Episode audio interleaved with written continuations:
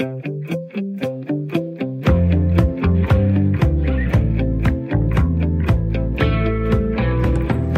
lytter til Tæt på Tunø med mig, Magnus Bang. Jeg er på Tunø lige nu, som er en lille ø ude i Kattegat.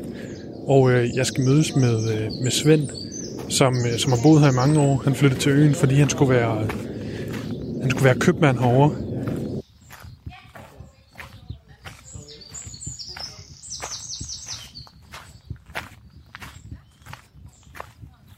Tror, jeg er i hans, øh, jeg tror, jeg er hjemme med ham nu. Hej, Hej, hedder du Svend? Ja. Skulle vi snakke sammen? Hedder du Magnus så? Det gør jeg i hvert fald. Nå, du ligner sgu sådan en. Ligner jeg også sådan en? Nå.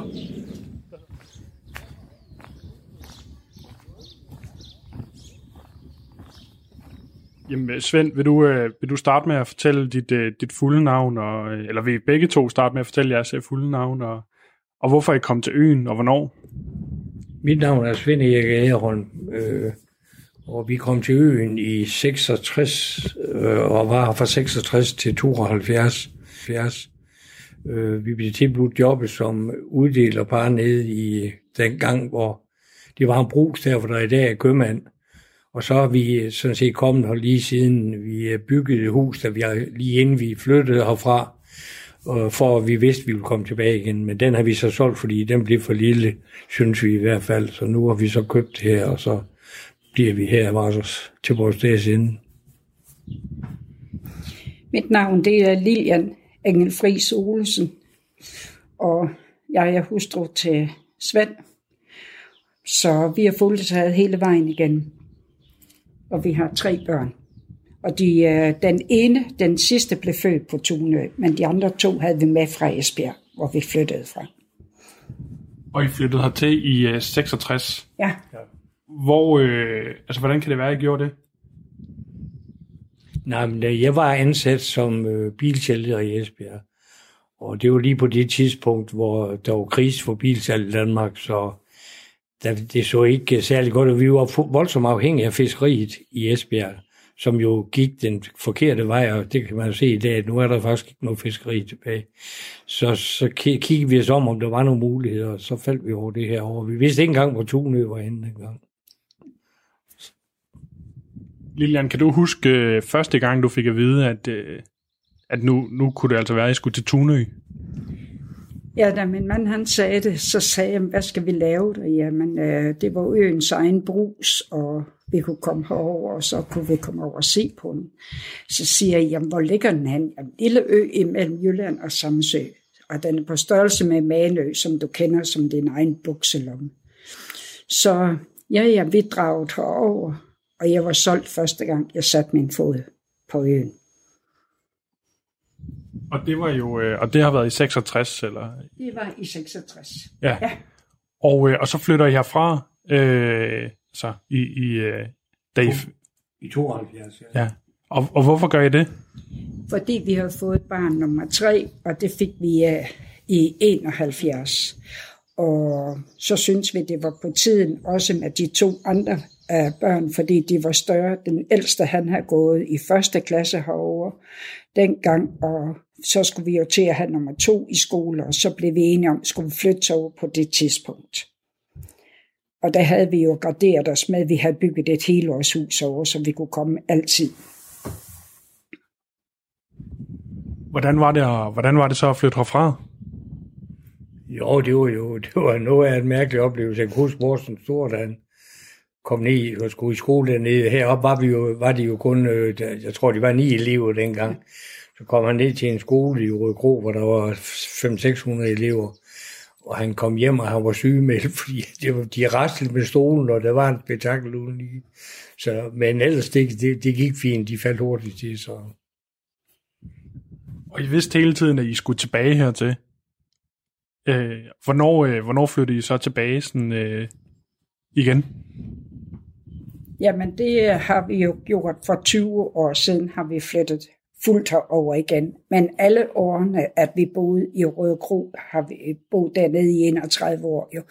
Der, hvad når det hedder, har vi jo været her altid. Både vores ferie sommerferie og vinterferie, vi har været julen og altid, og mange gange weekender og det hele. Vi har fulgt med i det hele og fulgt med alt, hvad der skete over, og det kan min mand fortælle om, fordi det er han involveret i. Ja, men der sker så, der sker så også nogle, nogle mærkelige ting der, fordi det var lige på det tidspunkt, hvor øh, FDB ville lukke alle eller mange små bruser rundt omkring. Selvom, selvom den her år, den har altid givet overskud. Øh, og så jeg tog, havde nogle forhandlinger med Bjarne Mølhøj, som var fra chef for FDB dengang, og så fik vi lov, eller så købte vi til en favorabel pris øh, bygninger dernede. Og så dannede vi så øh, Tunø-fonden til bevares, øh, som det var oprindeligt for at bevare forretningen dernede. Vi kunne ikke undvære en forretning over. For dengang var der, vi var, var der jo tre købmænd, og en bager, og Mejeriet var lige lukket, og, øh, så der var gang i den, og alle gårdene var i drift dengang. Så, så det gik jo den, øh, den gale vej nu. I dag der er der kun to gårde i drift, og det er med grøntsager. Så, øh, men det var, det, var, det var en anden tid, og så, jeg tror, det var det rigtige tidspunkt, vi flyttede på, hvis det skulle være. Og, øh, og nu siger du jo det her, alt, alting er lukket. Hvad sådan, da I boede her første gang til sådan den periode, jeg boede her nu, hvad er sådan de største ændringer? Jamen altså, hvis du sammenligner dengang, der, der var... Øh, der var det jo en helt anden ø, for der havde vi jo ikke nogen færgeforbindelse. Derefter blev vi sejlet ud i, i øh, MS Tunø, øh, sådan en, en, en, en, en eller en fiskekutter. Og så lå vi vente på, at Aarhus øh, Kalundborg færgen skulle komme, og så måtte vi hoppe ombord der, og det var ikke altid ufarligt jo. Så øh, det, det var en mærkelig tid, og vi, vi fik varer en gang om ugen med, med bølgen, en pakket, der kom med, med foder. Dengang var der rigtig gang i gårdene, der med foderstoffer og byggematerialer og alt muligt. Så det er jo den eneste forbindelse, vi sådan set havde, bortset fra avisbåden til Hov. Ellers har vi aldrig haft nogen forbindelse med Hov egentlig, før nu, hvor, hvor, hvor færgen er kommet. Så der, der er sket nogle voldsomme ændringer, det må man sige. Er det, er det ændringer til det bedre, eller, eller hvordan sagde I det? Jo, det er det jo på, på en måde, øh, fordi i dag der lever vi jo ikke af, af landbrugsdrift, der lever vi jo af turister. Og derfor er det ret vigtigt, at vi har nogle ordentlige færgeafgange.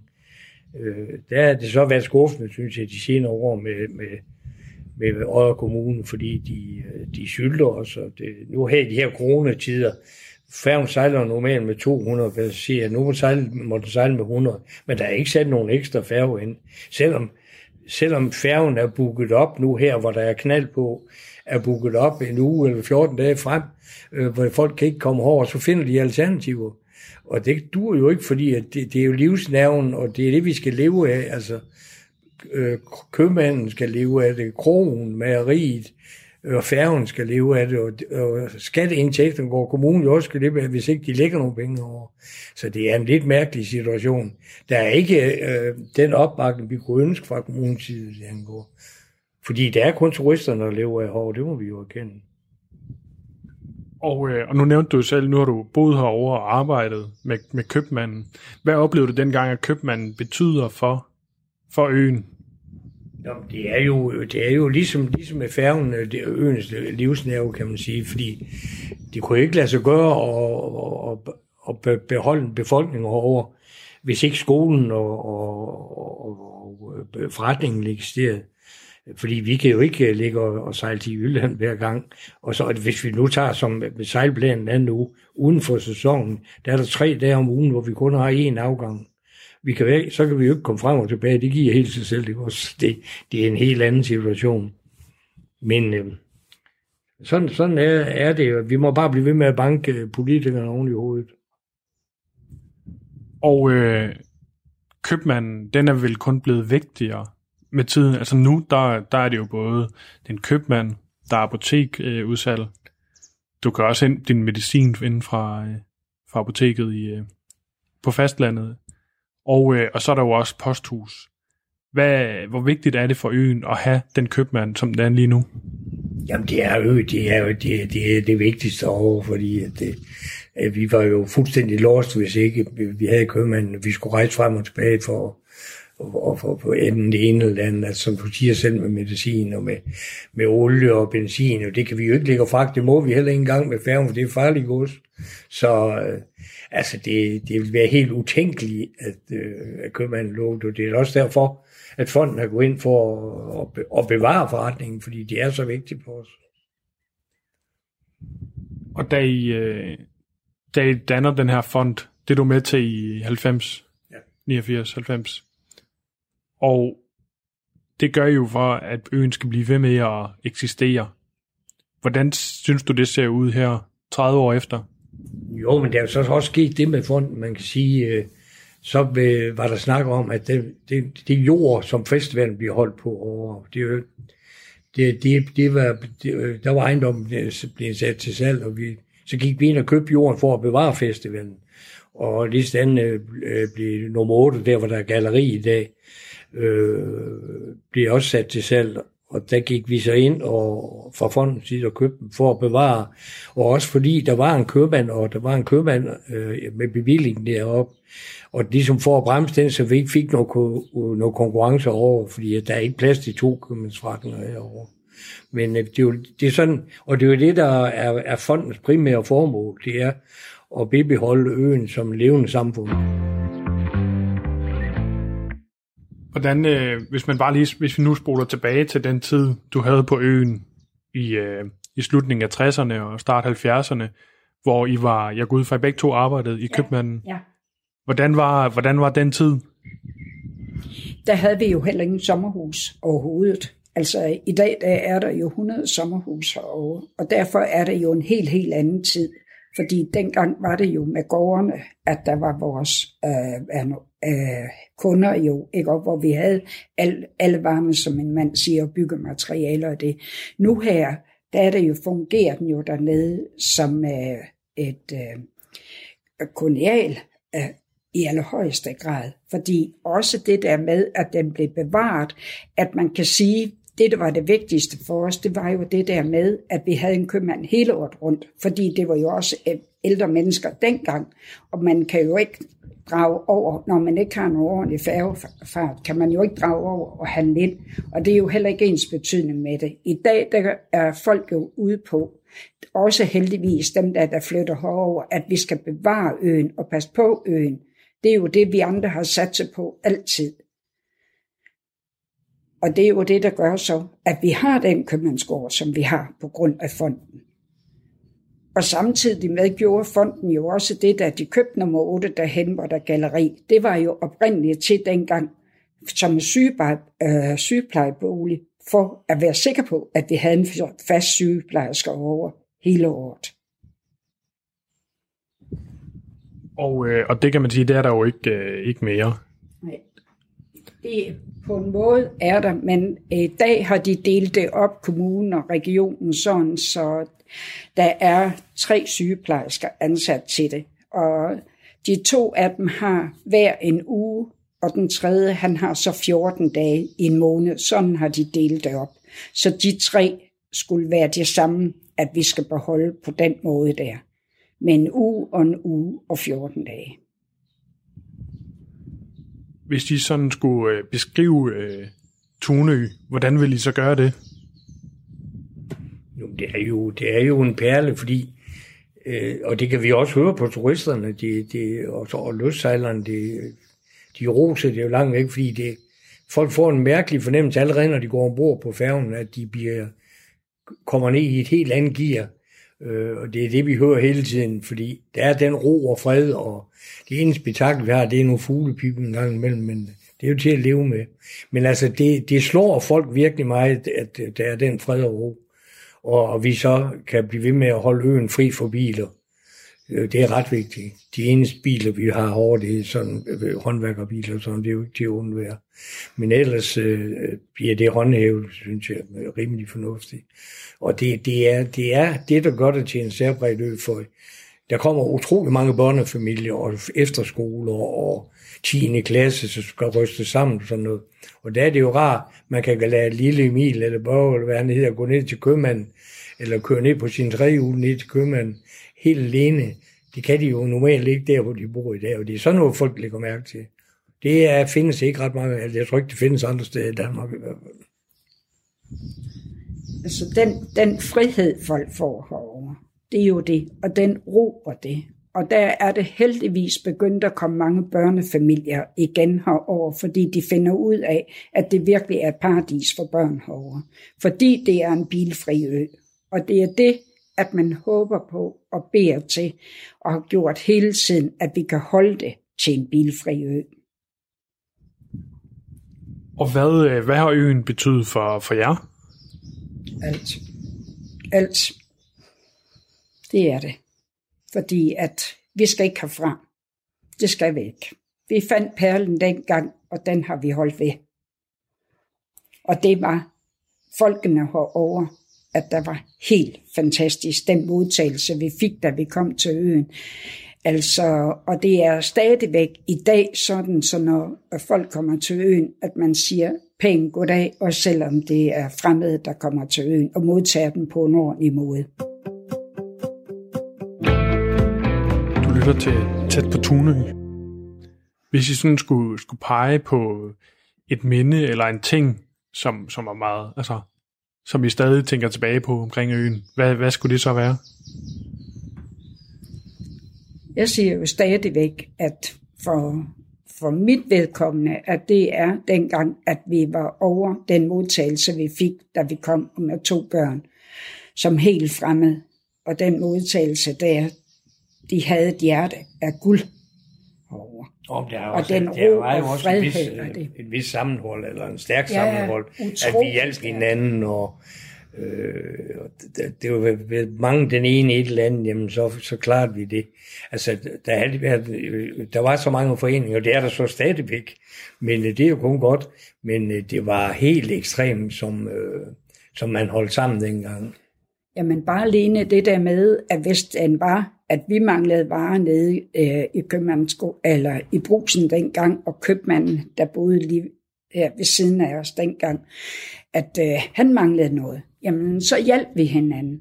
Vi hjalp hinanden. Det var ikke den konkurrence og det der med, at vi var bange for. Vi skulle jo alle sammen overleve. Det var det, der var vigtigt. Og det var et helt specielt sammenhold dengang.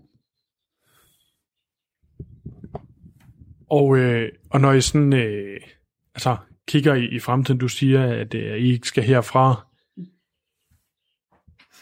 Ja.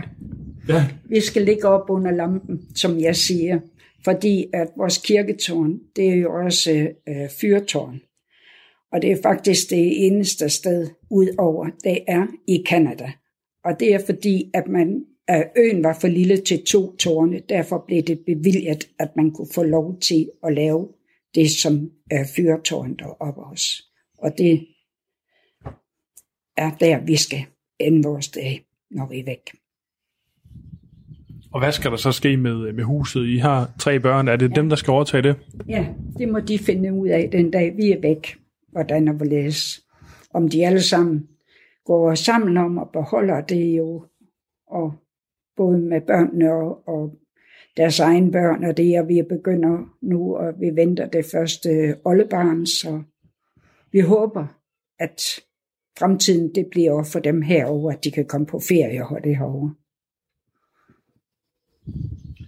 Og når I sådan øh, kigger tilbage på, at du sad i, i Esbjerg en gang i, i 60'erne og tænkte, det går lidt dårligt med, øh, med bilhandlen og fiskeri er ikke så meget ved og sådan noget. Hvad, øh, hvad tænker du så om den beslutning, det var at tage til Tunø for at blive købmand? Jamen, det har vi egentlig aldrig nogensinde fortrudt, så øh, det, var, det var den rigtige beslutning på det tidspunkt. For selvfølgelig kom der gang i bilsalget og alt det der, den kunne ikke, øh, det kunne ikke blive ved med at køre på den måde. Så. Men, øh, men øh, det, det er stadigvæk, øh, og vores begges overbevisning, at det var det rigtige, vi gjorde dengang. Så det har vi ikke fortrudt, og børnene er glade for at komme over, så det, det, hvad det angår, så er det rent lykke. Så det, var det godt. Og nu har du jo været med til at ansætte de nye, øh, altså når der er skulle nye til, øh, til købmanden, øh, fordi du er, er bestyrelsesmedlem i Tunø-fonden. Hvad, øh, hvad siger du til dem, for ligesom at lokke dem til? Nå, men jeg siger sådan set ikke noget for at lokke dem til, fordi vi har faktisk ikke haft problemer med det. Øh, dem, vi har, har haft ansat, det, de går igennem en normal ansættelsesprocedur. Jeg vil ikke begynde at, at, at gøre det hele øh, rosenrødt, hvis øh, at de ikke har den samme opfattelse, som jeg har, men det er nu både godt med dem alle sammen. Der er ikke været nogen, der har, men altså, de er da hjertelig velkommen til at spørge til råd, så, og man er også god til at, at og tale med den tidligere købmand, der har været, altså de nye, der kommer efterhånden. De har været gode til at, at, samarbejde på en eller anden måde, så det, det er ikke den der um, fnid og fnader omkring det der i hvert fald, så det, det kører ud. Men jeg vil ikke, skal ikke blande mig i, om det er det rigtige for dem, så kan jeg jo få på nakken bagefter. Det, der er jo også den ting ved det, når man flytter til en ø, som vi gjorde dengang, og som vi har gjort igen, jo, det er jo, at man skal være enig om, man gør det. Det nytter jo ikke noget, at det kun er den ene, der er interesseret i den anden ikke. For så dur det jo ikke. Og det dur ikke på grund af, igen, vores færge, at vi kan ikke bare komme herfra. Og sletter ikke om vinteren, hvor vi har kun tre dage, vi kom frem og tilbage. Og med det der færgeafgang, vi har, der er det samtidig med problemer i dag, hvis man skal over på sygehuset eller til nogle speciale undersøgelser eller noget, med at få det til at hænge sammen. Man er altid nødt til at skal have en overnatning. Der er flere ting i det, når det er, og der er det, man skal være enige om det, når man flytter over, at det, man kan leve sådan et sted med hinanden. Men da I flyttede hertil, der var færgeafgangen. Jeg hører ikke sådan det var jo ikke, fordi færgen gik mere dengang. Nej. Så, så på den måde er der vel ikke noget, der ændrer sig? Jo, det er jo årene. Nå, altså, det, er, det, er, det, er, det er i højeste grad, at øh, i dag er jo øen jo en turistby, det må vi ja. erkende. Det, at, at, at, de 100 mennesker, der er herovre, det er pensionister, de fleste af dem. Men derfor har øen jo ændret sig fra, at, at dengang var der ikke, som, som, som min kone siger, nogle øh, sommerhusområder. Nu er der tre sommerhusområder. Så det er helt andet klientel, der kommer. Og, og det medfører så også, det er ikke fint, det går fint, altså vi øh, arbejder godt sammen med, med sommerhusejerne, så det er slet ikke noget med det at gøre. Men det giver et andet, det er en anden måde, fordi de kommer i flæng, ikke også, og så er de her i weekend, og så er de væk igen. Det er jo noget andet, end man lever sammen øh, og bliver nødt til at få det bedste ud af det. Så, så hvis man kan sige, altså var I flyttet til øen, hvis I, lad os sige, I var, ja, hvad bliver det? Det bliver næsten 50 år yngre. Det var først i 20'erne. Ja. ja. Vil I være flyttet til øen, hvis det var, det var som nu? Vi var 24-25 år, da vi flyttede. Og det, det er jo klart, dengang, det var jo en helt anden tid, end det er i dag. Altså i dag, der, der kan folk jo komme alle steder og køre alle steder. Og de kan jo køre ud til det ene og det andet, og gå i biografen og teater og alt muligt. Men det kan du jo ikke på samme måde, hvis du bor på øen her. Så kan du ikke, så skal du jo med færgen over, og så på den måde finde ud af øh, og, og tage det kan man sagtens, hvis det er det, man vil. Men der falder, når man er på en ø, der falder bare sådan ro over folk, så man kan ikke forklare det der. Så man kan sige, at ændringen er, at man går glip af noget nu? Nej. Nej, det gør man ikke. Men det kunne jo godt være, at den ene var mere forlystelsessyg, end den anden den var. Ikke? Det er det, jeg mener faktisk. Der er jo nogen, der har sådan, at de kan ikke undvære byen. Og vi andre har det på den anden måde, der vi elsker naturen herover jo, ikke? og roen herover, og har altid gjort det. Og hvis man sådan, øh, hvad, hvad, har, hvad får I tiden til at gå med herover? Nu kan I jo ikke tage på café eller i biografen, eller de her ting, men, men I har boet herover i, øh, i 20 år nu fast, ja. og, og været pensionister. Det jeg tænker, I må have masser af tid. Hvad, hvad har I fået den til at gå med?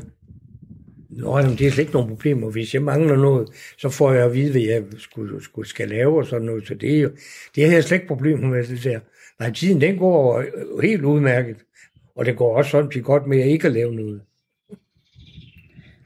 Jamen, der er jo nok at lave, når man har både en stor have og stor hus og det der, og man har noget hobby og sådan noget, så det er ingen problem.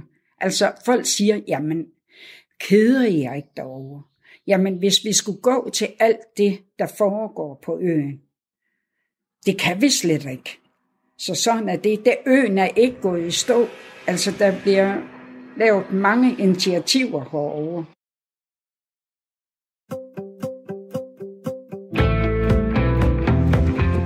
Du lytter til Tæt på på Radio 4.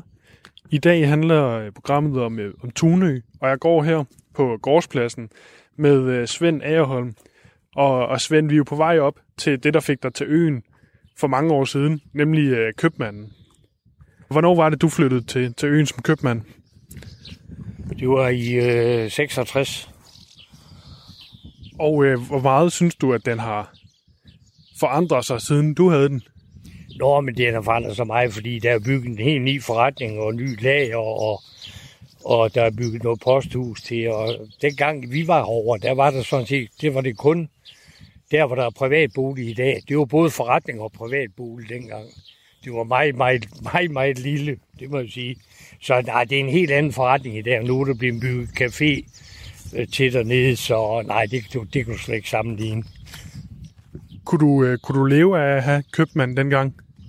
Ja, ja, fordi øh, det, ja, det lyder mærkeligt, men der havde vi jo alt handel. Altså, der var som, som sagt tre, tre forretninger, tre købmandsforretninger herovre dengang, men øh, der havde vi jo alt foderstof øh, byggematerialer og det hele. Vi, vi var den eneste forretning, der, der, der, der havde det der, så det var et helt andet øh, sortiment, vi havde dengang.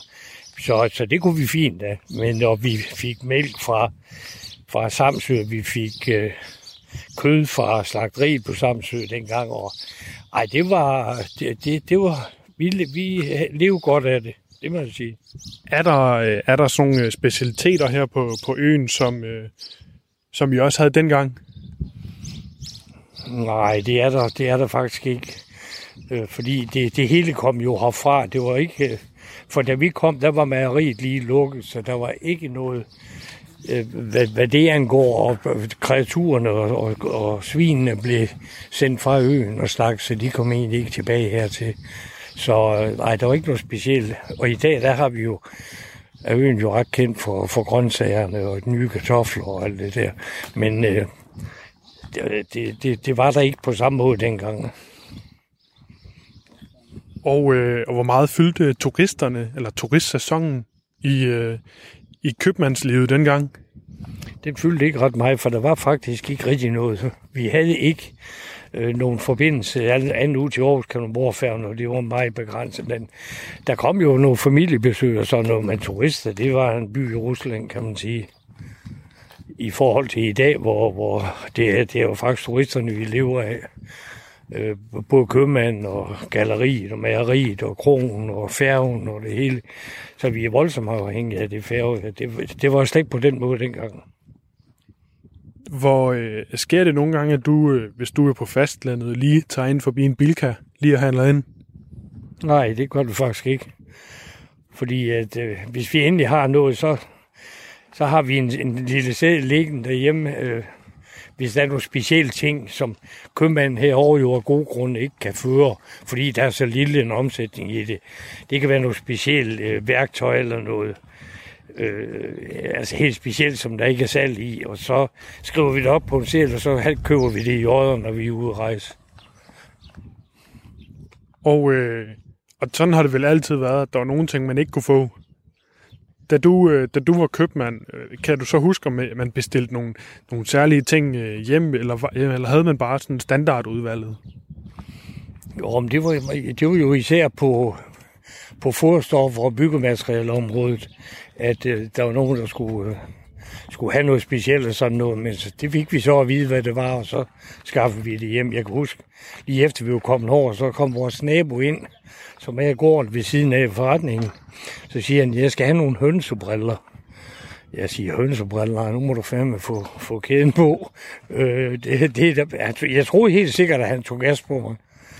Men øh, de viste sig så, at det var der var noget, der hed hønsebriller, fordi at det var i perioder, så kan høns og, øh, hønsene godt hakke hinanden øh, til blods, på grund af, at men så når man fik sådan nogle briller på, øh, ned over næbet, hvor, hvor der var lukket, øh, der hvor klassen normalt er, så hakkede de til siden, fordi de kunne ikke finde ud af at hakke lige frem, når man ikke kunne se. Og så det var altså rigtigt nok, det var, det var, det var sgu meget specielt. Det gik lang tid, inden jeg lige kom over den der, for jeg har aldrig hørt før der. Så, så fik du bestilt det hjem? Ja, ja. Jo, jo, fordi at så gik vi ind i, i katalog, så for, for, for forstoffer, så kunne vi jo se, at det var rigtigt nok. Men jeg troede, jeg troede godt nok, det var en vildighed, da vi så det. Eller da han kom og sagde det. Og nu er vi jo øh, ved, øh, ved købmandsgården. Og det, det ligner jo lidt, altså jeg kan se, der er jo nogle ting, der ligner, at det er meget en, en butik for turisterne. Ja, det er det også. Altså, ja. Så sådan noget som det der, det er jo ikke noget, der bliver solgt til, til tunbordene med legetøj og strand, strandsæt og sådan noget. Og nu er det jo sæson for, for is, men der er så nogle, et bord derovre, hvor de er to lokale, der kan få lov til lige at udstille lidt derhen. Og gallerimanden har derovre, så ja, det er rigtig fint. Det er det sidste, vi har fået bygget til, det er det her. Og, og det fungerer fint. Og hvordan ser butikken ud i sommerhalvåret kontra hvordan den ser ud i, i vinteren? Ja, det, det, det, er sgu det er noget helt andet jo. Det må jeg sige. Men, øh, men det er så også dejligt, når der er nogle folk derinde, fordi at, øh, ellers kan købmanden jo ikke leve. Tak skal du have. Jeg vil prøve at gå ind og finde øh, købmandsparet. Ja, det er jo helt, hele det område her og derude, det er bygget nyt til. Da vi var her, der var det kun den ende derude, hvor privatboligen er nu, så det var små forhold. Det kan du godt se. Ja, for det er jo stadig en, øh, en forholdsvis lille butik. Ja, jo jo, men de har godt et varesortiment, det må man sige. Nu overlader jeg roligt det til jer. Er det til os, eller? Ja, jeg går min vej. Okay. Hvis du, hvis du bare lige kan starte med at sige, øh, hvad du hedder og hvordan du er kommet til Tunø. Øh, mit navn er Gabriel. Selvfølgelig er jeg kommet til Tunø som øh, købmand. Og jeg vil ikke sige, at der var noget, der var planlagt i forvejen. Der skal bare lige pludselig, at der var en annonce på TV Ys øh, Jylland, tror jeg, det var. Hvor Janne var bare i gang med at læse øh, bladet, og så klik på en eller anden link, hvor der står, at øh, de søger købmand bare på, på Tunø. Så kommer hun bare hjem og spørger Gabriel. Hvad siger du til, til det her? Hvor jeg spørger, kan vi leve af det? Så siger hun, at det kan vi godt finde ud af. Eller? Og så derefter hun ringe til, til Jørgen Hastrup, som er formand for Sundhedsfonden. Og så, ja, Og hvor, hvor boede I hen i landet? øh, på Vesterbro faktisk. Vi bor på Vesterbro meget tæt på Sønder Boulevard. Og I er jo lige flyttet til for et, for et halvt års tid siden. Ja. Hvad har den største omvæltning været?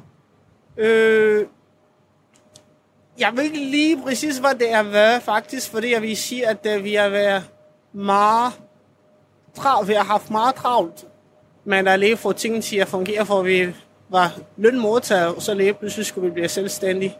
Og det kræver meget oprettet et firma, fordi vi skulle ringe til forskellige leverandører, og der var forskellige aftaler. Og selv da vi kom ind i butikken, så skulle vi også få input fra forskellige kunder, dem der bor på Tunø, hvad kunne I tænke jer at have, og så videre, og så videre.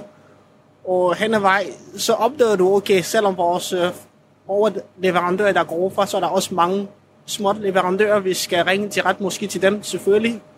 De fleste får vi fakturer igennem, der går for, men alligevel skal man selv lige øh, kontakte dem og blive oprettet hos dem. Og så var der også noget med, at indrette butikker, som det passer lidt med det behov, vi har, men også gøre butikker lidt mere smarte i forhold til, hvordan arbejdet gang vil være til sommer, når forhåbentlig håber vi i hvert fald, at når der er travlt.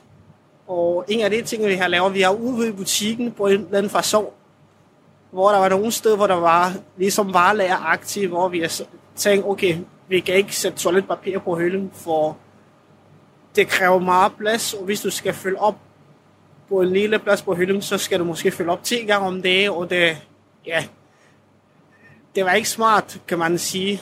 Og vi var heldige, eller vi var heldige, for vi havde begge to været i discount. Så vi viste lidt, hvordan man kan arbejde smart med at få ting til at køre lidt hurtigere, kan man sige. Gør det samme, men med meget færre arbejdekraft, kan man sige.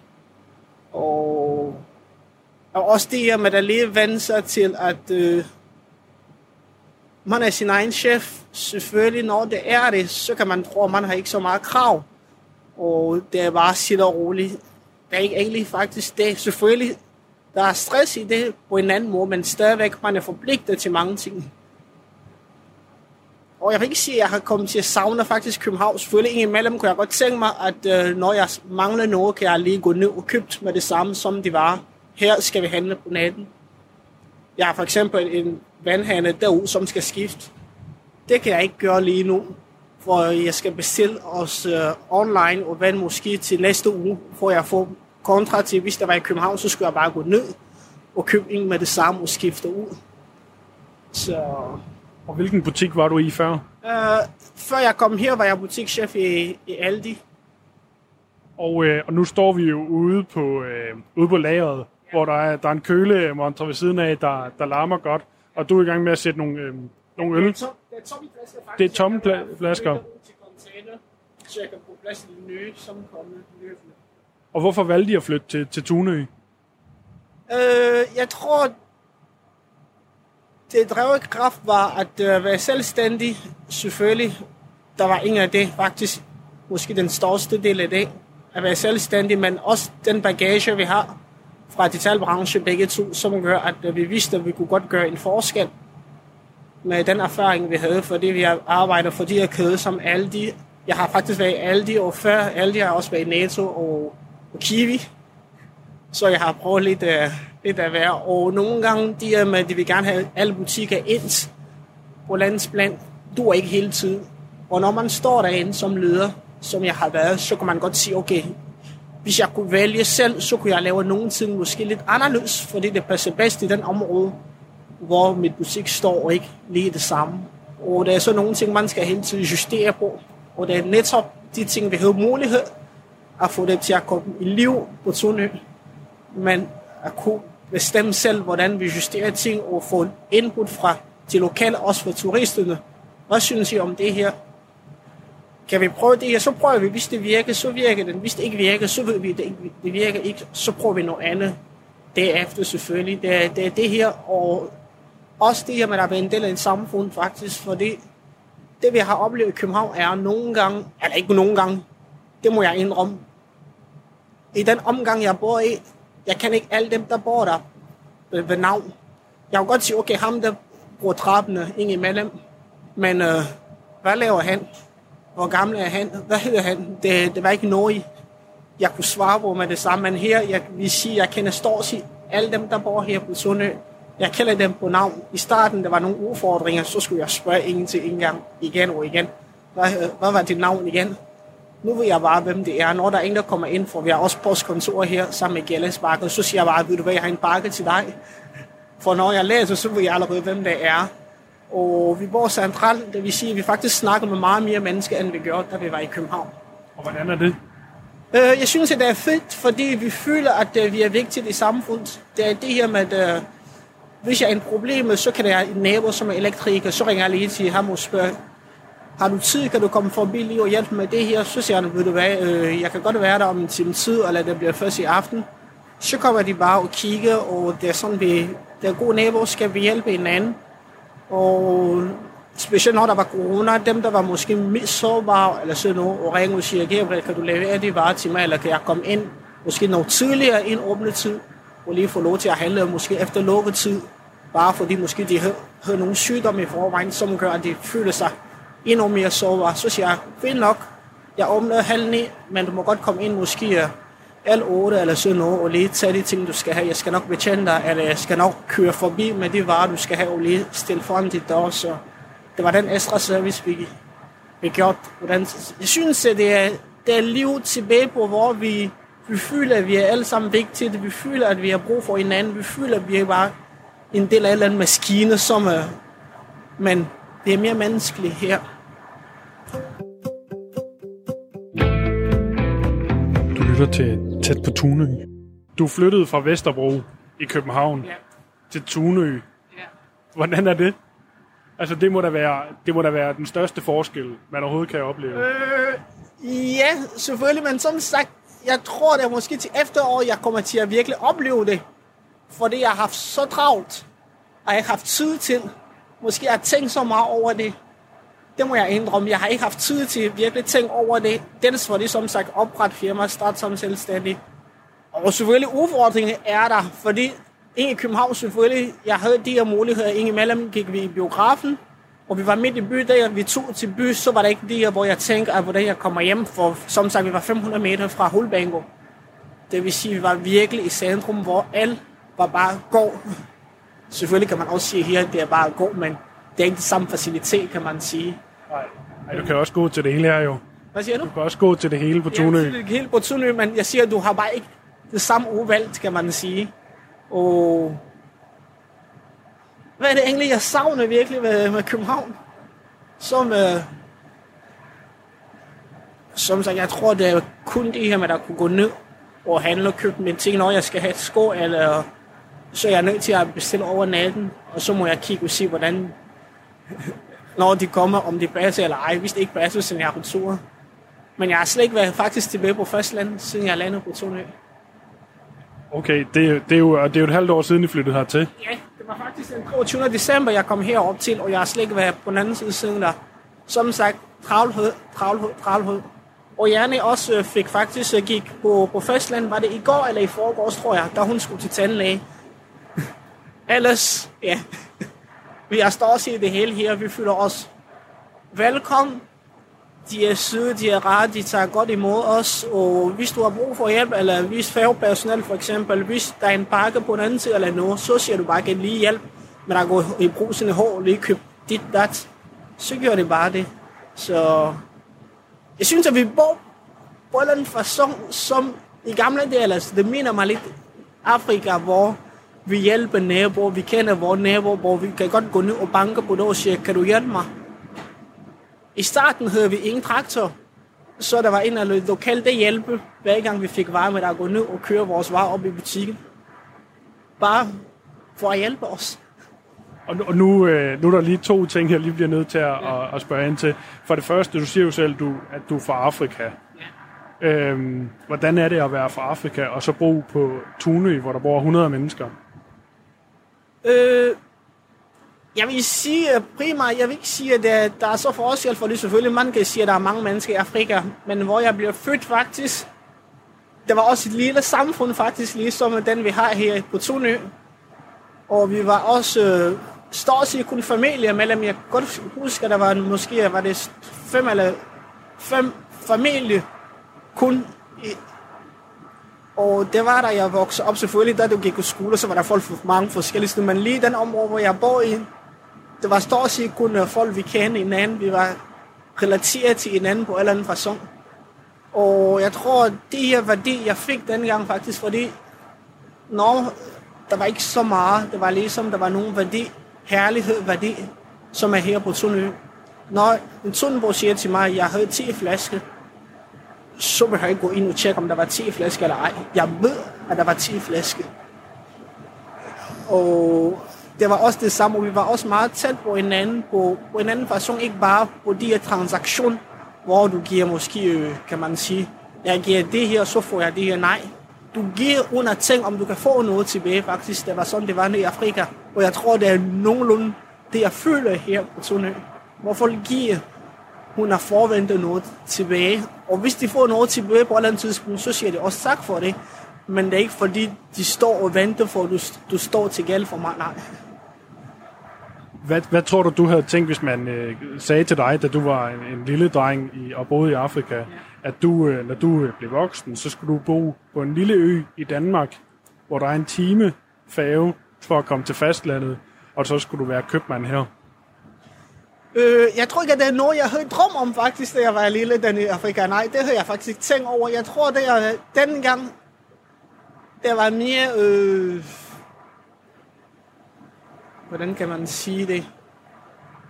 Jeg havde de ting, jeg ville, det var mere øh, at vokse, og for det for os, vores værdi var, når du vokser op, så skulle du have et hus, en bil. En stor hus selvfølgelig, det var vores øh, Mit drøm i hvert fald. Og have et bil og et arbejde. Helst kontorarbejde var det, var det det, kan man sige, ja. Det var det, der var drøm, da jeg var helt lille, sådan her, fordi der vi gik rundt og snakkede, det. Det var det, der, der var. Men jeg havde aldrig tænkt over det her, men da jeg voksede op, så havde jeg også andre værdier, som kom i spil. Og nogle af de værdier var det her med at kunne være selvstændig, gøre noget, som giver mening i mit liv. Og ikke kun bare gøre noget, fordi jeg skal. Og der er nogle af det, jeg synes, at der bliver opfyldt faktisk her på Tune. Jeg føler, at jeg gør noget, fordi jeg har lyst til det, men ikke fordi jeg er nødt til at gøre det. Nej. Og hvordan, øh, nu, mødte vi, nu mødtes vi, da jeg ankom med færgen, og du var nede for at hente varer i din traktor. Hvordan er det at skulle hente varer i din traktor hver to gange om ugen? Ikke? Øh, jeg tror ikke, jeg tænker faktisk over det, det bare bliver en del af rutine, kan man sige. Hvor man ved bare, at øh, når færge kommer, så kan det være nogen bakke, så kan det være nogen øh, medicin, hvordan ser skyld, eller bare øjet avis. Og så hver torsdag, faktisk i dag eftermiddag, så kommer også mad til det. Der er to ældre på øen, som får mad leveret af derudfra hver torsdag. Det er bare noget, jeg laver som public service, eller sådan noget. Det er ikke noget, jeg skal.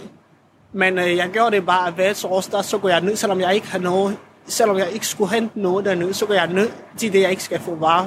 I det får jeg selvfølgelig drikkevarer fra frem.